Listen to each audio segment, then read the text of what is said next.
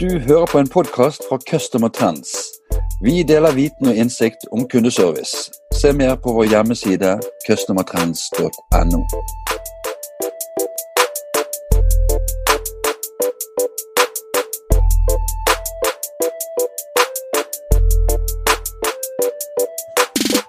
Hei og velkommen til en ny eh, kundeservice-podkast. Mitt navn er Bjarte Lysand fra Customer Trends.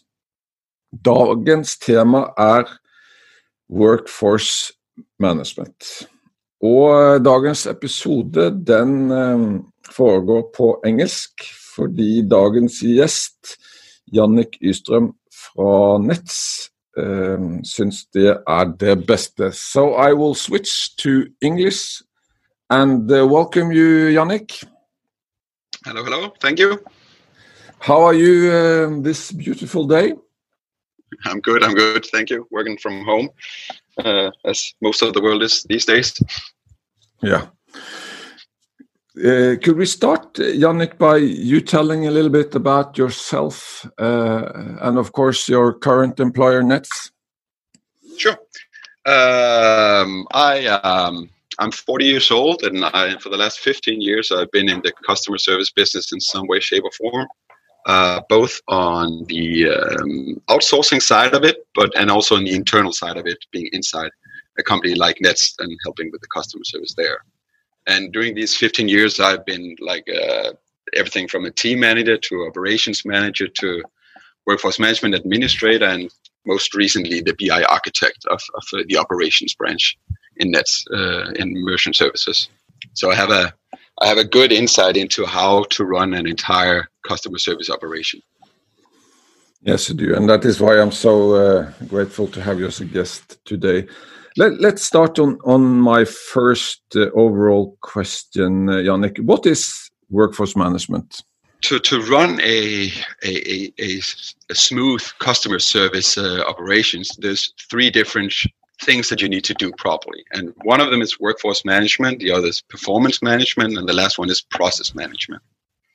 And the workforce management is the aspect of making sure that you you have the right amount of people with the right skills performing the right task at the right time, essentially.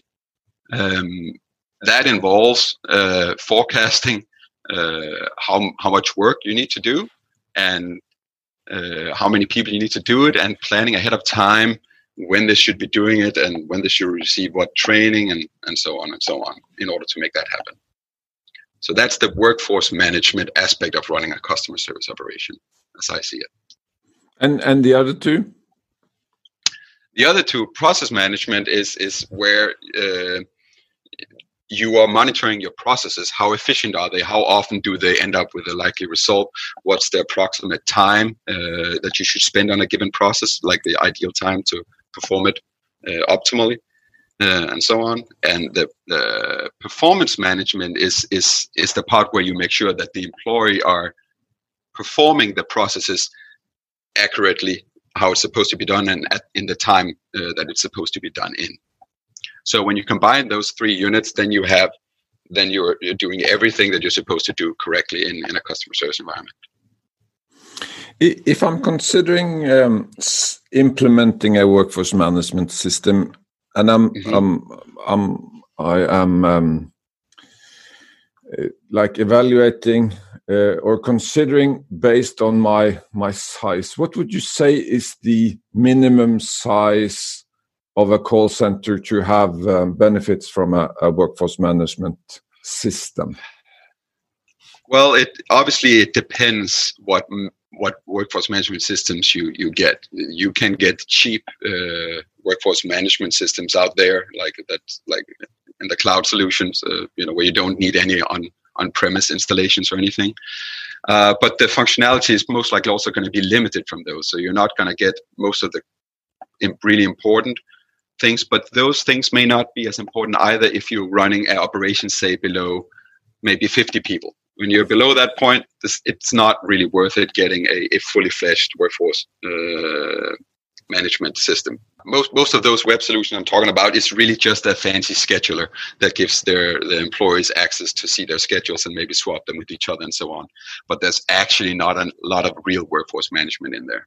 Jannik, something I wanted to ask you about with your international uh, experience. Is it possible to say something about workforce management in the Nordics compared to um, workforce management other in other parts of the world? What the Nordics have in, in common is that our labor laws are much more uh, strict in the favor of the employees. Um, so many many workforce management um, best practices, etc., that you can read about there out on the on the internet is suited to an American environment or India or somewhere else where the workers don't have a lot of rights, um, and uh, which means that you can make much more drastic changes with shorter time span. But in the Nordics, you, you typically you you can't you can't let people go with less than three months notice and that's that's danish standard. I'm not entirely sure if norway follows it to the same degree but uh, somewhere in the same region as far as i remember. And uh, also if, if if you need your people to work extra that's not also something you can just say hey work extra and it costs you just a linear amount of uh, salary for them to the amount of hours getting. No, typically you will end up paying double or even more for that extra time, depending again on the on the on the rules in that particular Nordic country. Um, but all of these things together mean that you you have to plan much further into the future because your reaction time to things changing is is slower than it is in the rest of the world, um, or at least to, to to to the other big markets that I mentioned before. So it, it means that if you want to do workforce management well in the Nordics, you really got to focus a lot on your forecasting things because once you reach the actual day when your plan is supposed to be executed, your options of generating more hours uh, available to handle uh, you know contacts or get rid of them is rather limited and usually not within your own control. You have to rely on the goodwill of your employees more so than you can just tell them what to do so that's a big difference when, when it's when you compare the Nordic to the rest of the world.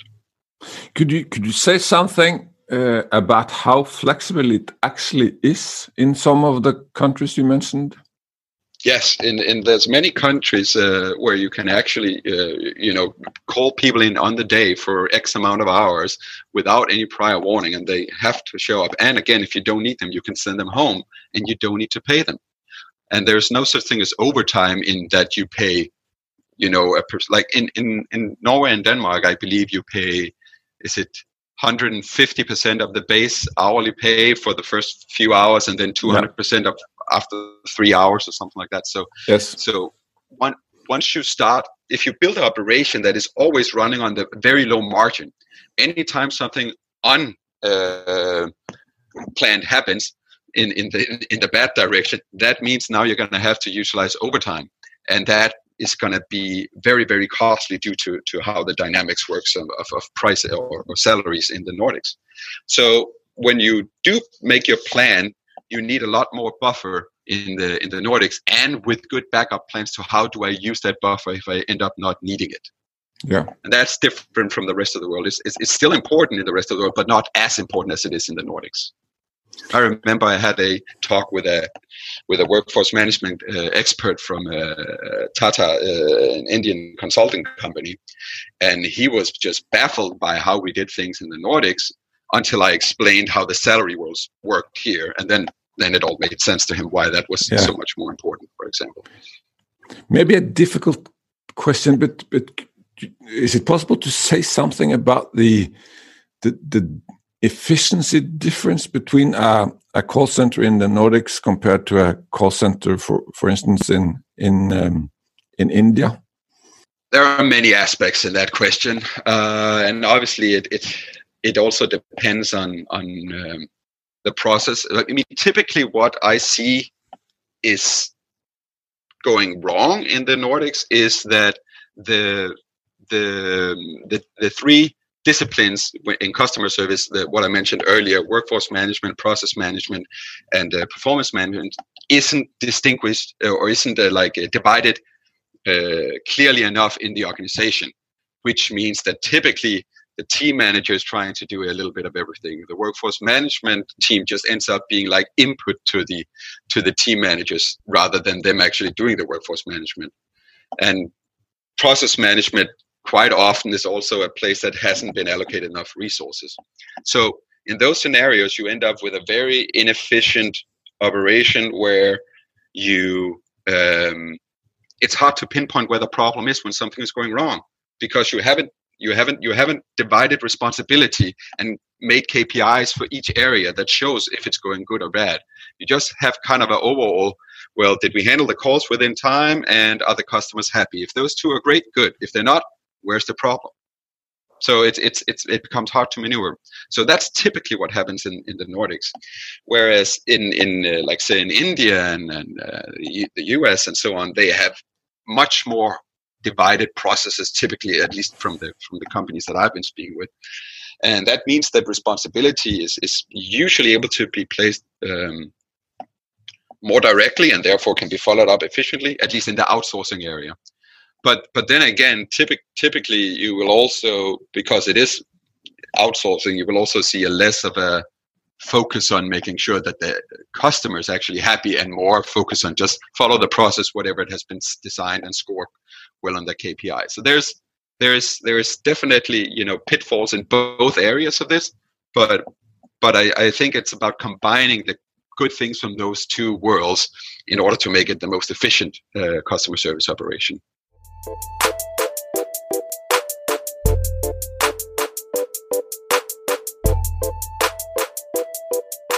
Jannica, I have a question about the quality of, of customer service uh, in an international perspective. Is it possible to say something about uh, quality in the Nordics compared to, to quality in countries where the labor legislation is more flexible? I would say that in, in the Nordics, we are not that good at separating those three branches of customer service that I talked about before um, workforce management, process management, and performance management. And as long as you're dealing with relatively uh, small companies um, with with a large uh, retention of their employees, then it's not that big a problem because every employee is highly invested in it going well for the company and so on. But as the company scales up and gets bigger and bigger, then that model where you don't have those three disciplines like uh, split out and uh, measured uh, individually, it, it fails because as, as, as the attrition gets higher in a company, the employees start caring less about the overall result. And if you have a model where you can't place responsibility when things go wrong, you don't know where the problem is. So that see that's that's one of the big problems with how I typically see Nordic companies run their customer service. Uh, when you look at it internationally, they're usually much better at, at, at separating out the, the whole process uh, and, and performance management and workforce management in separate areas so that it scales better, especially when you consider outsourcing. You can't, if you will try to outsource without having control of your processes, a few years down the line, you will completely have lost touch with what is going on because you don't get that immediate feedback from the customers anymore because those employers are not your employees. So it's it's um, yeah, that's that's definitely a big difference. Jannik, my, my next question is about one of the major elements in, in delivering service uh, levels, and that is uh, forecasting. Do you have any thoughts about how to do great forecasting? When when we uh, look at forecasting, there's typically two things we want to to to forecast. One is the workload that we are going to receive at any given point, and the other thing is what is the amount of s- supply or man hours we're going to have available in the future with our current staff so we can make staffing changes like hiring new people and, and so on and so on but if we start with the with the forecasting of the workload um, the most important thing you, you, you should do is to make sure that your historical measurements are accurate. And uh, otherwise because everything you, when you forecast you're dealing with historical records plus known changes in the future. That's that's the the two inputs that you're working with. So if your historical records are, are, are wrong or faulty your future uh, forecast will be equally faulty and especially in the nordics one of the big things that i have observed is that people try to use systems to achieve performance management. And by that I mean, for example, many times due to either like a union laws or what whatever, managers are not allowed to follow up directly on employees on their performance when it comes to speed. Um, many times when you actually get down to it, that's just culture in the company. It's not actually the, the law. But typically, th- those are like some unspoken rules that you just you just don't do that. So to counteract that, what they do is they try to use the system to achieve the same thing. For example, they configure how long after work call time can be in the system. And the result of that is just as if the customer actually needs, uh, sorry, if the agent needs more after call work time, it just times out and they end up in signed out state. And now you end up with a measurement that is faulty for how long was actually needed to solve that case. The uh, the other scenario is the agent is knows that the standard is just one minute. So even when he doesn't need one minute, he just sits back and wait for the one minute to pass. So now you again get faulty numbers. So and that's typically what what ends up happening when you when you try to use the system to to achieve performance management. The right way to do this is measure it accurately how long it take every single call and then have managers uh, do the actual performance management if the speed that things are being serviced with are not you know uh, good enough or um, so so that's what you should do with, with, with that the other thing is to make sure that every time you have exceptions to note it down in your history.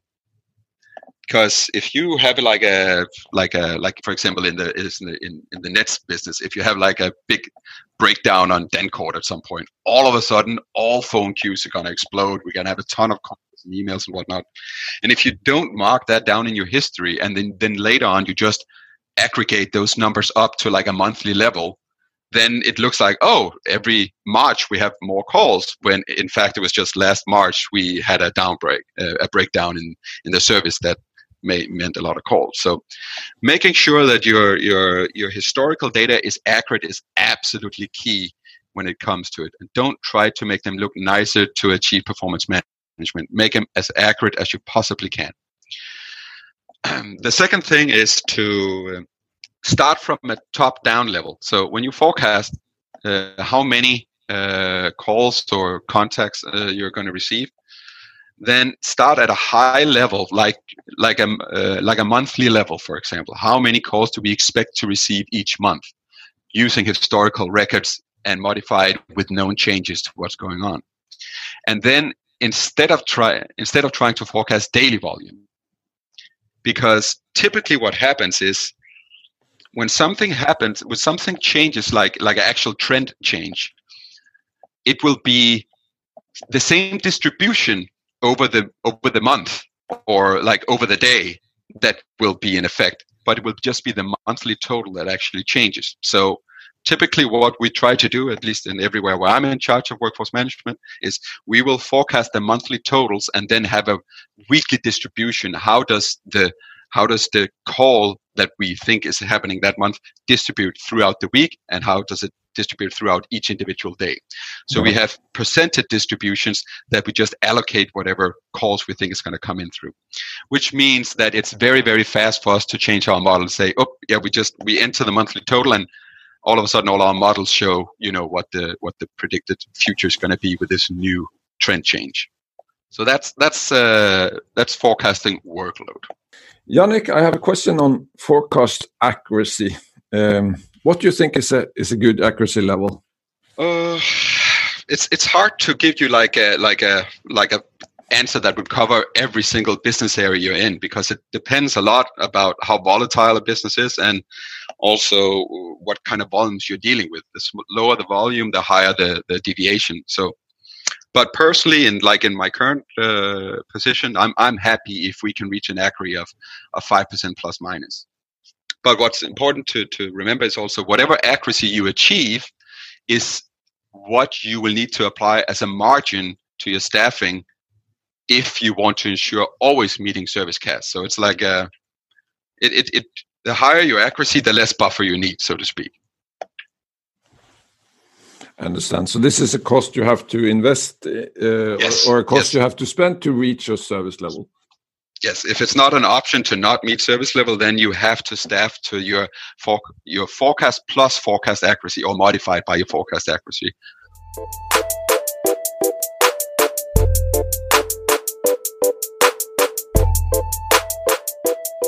So Jannik, we have um, we have done our planning, we have done our forecasting, uh, and it comes down to the to the to the day where everything is is supposed to happen and real time management.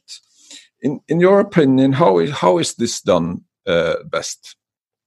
How I see real time management is how you can adjust your plan that you made for the day doing real time at the you know when it's actually happening according to whatever changes you, you see happening.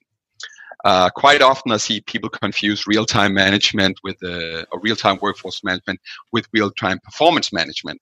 So it's also about going out and telling the individual employee ah, ah, ah you need to stop being on break or you need to do this or that or whatnot. In my opinion that has nothing to do with real-time management uh, when it comes to workforce management. That is that is the performance management branch. And my own personal opinion when it comes to that is you don't get the big effects by attacking the individual moments you see. You go with the statistics afterwards to see how often does it happen so you don't you know discourage one of your employees due to a one-off situation you see. But so but that's a different topic. Uh, the workforce management uh, uh, aspect of real-time management it's about making sure that once you are there on the day and you can see already at the beginning of the day that the volumes are much lower than anticipated in the in the first intervals, the first few hours of the day, you can, as I mentioned before, use that distribu- distribution curve that you have already established as your your forecast and apply the current level of calls, and therefore you have an idea how does the rest of the day going to look, and that's very very accurate in actuality, at least in our business. Um, so with that in mind, now you as a uh, as a real time manager, um, you you now know what's the what is the situation I'm looking into, and here it's about making whatever choices is available to you, and typically it's canceling some training that doesn't have to happen right now, or postponing some meetings, or uh, asking if people can stay extra if it's you know an emergency and and and uh, you're willing to spend the extra money uh, on it uh, or if you have too much time, like there's fewer calls than expected, then it's about putting in some extra meetings that you were planning on later, or uh, getting helping another department with a backlog, or asking if people want to get rid of some of that free time they saved up and go home early that day if it's sun is shining or you know whatever else is going on outside. So that's what the real time management is, uh, in my eyes. That's what the discipline is about. Jannik, uh, could you say something about your views on the the cooperation between managers and the workforce management department? As I mentioned earlier, the, the, those two particular groups are responsible for workforce management and the other one for performance management. I assume you mean the team managers when you're talking yes. Uh, yes, managers here yes, and not like upper management. Yeah. So in, in, the in that situation, um, each person is responsible for those tasks. But every once in a while, you will have parameters that is relevant to the planning uh, that where the manager is sitting with the knowledge uh, about how the development is. For example, workforce management people realize all of a sudden their handling time is just rising and rising and rising. And they when you're dealing with that, you can't just forecast the trend and say, oh, it seems to be going up and then forecast up. No, you need to talk with the managers and the process people to see is this a problem with the process that has changed and therefore this is the new level? Or is this a process with a bunch of new people that just came in that has bad performance and they will, you know, improve over time? And, and therefore it will get back to normal. So typically you will have input from the managers about why is the KPIs that they are in charge of and responsible for currently not within you know parameters that they should be in? Because whatever they are, it's an input to the planning. if the handling time is a lot higher than it should be, that's very important for the planning to know if this is going to continue or not.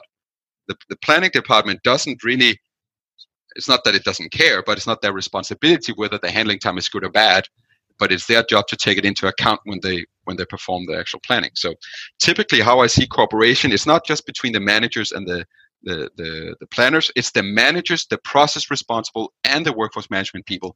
They need to gather in a forum depending on how volatile the business is, uh, to discuss what is changing in in these uh, the processes that might influence handling times uh, or that might influence the volumes. Typically, also if you change the process in how you do something like you change to using a web portal for some of the things that used to be a call or you know whatever it could be that's also going to influence the volumes so you need to have coordination that is appropriate to the rate of change that you have in your company whatever that is Jannik, we have um, come to the end.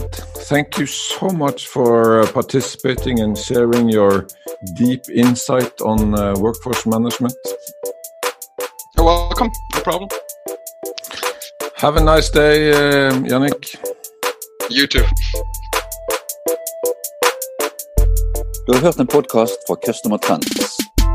Vi håper du har latt deg inspirere og lært noe nytt.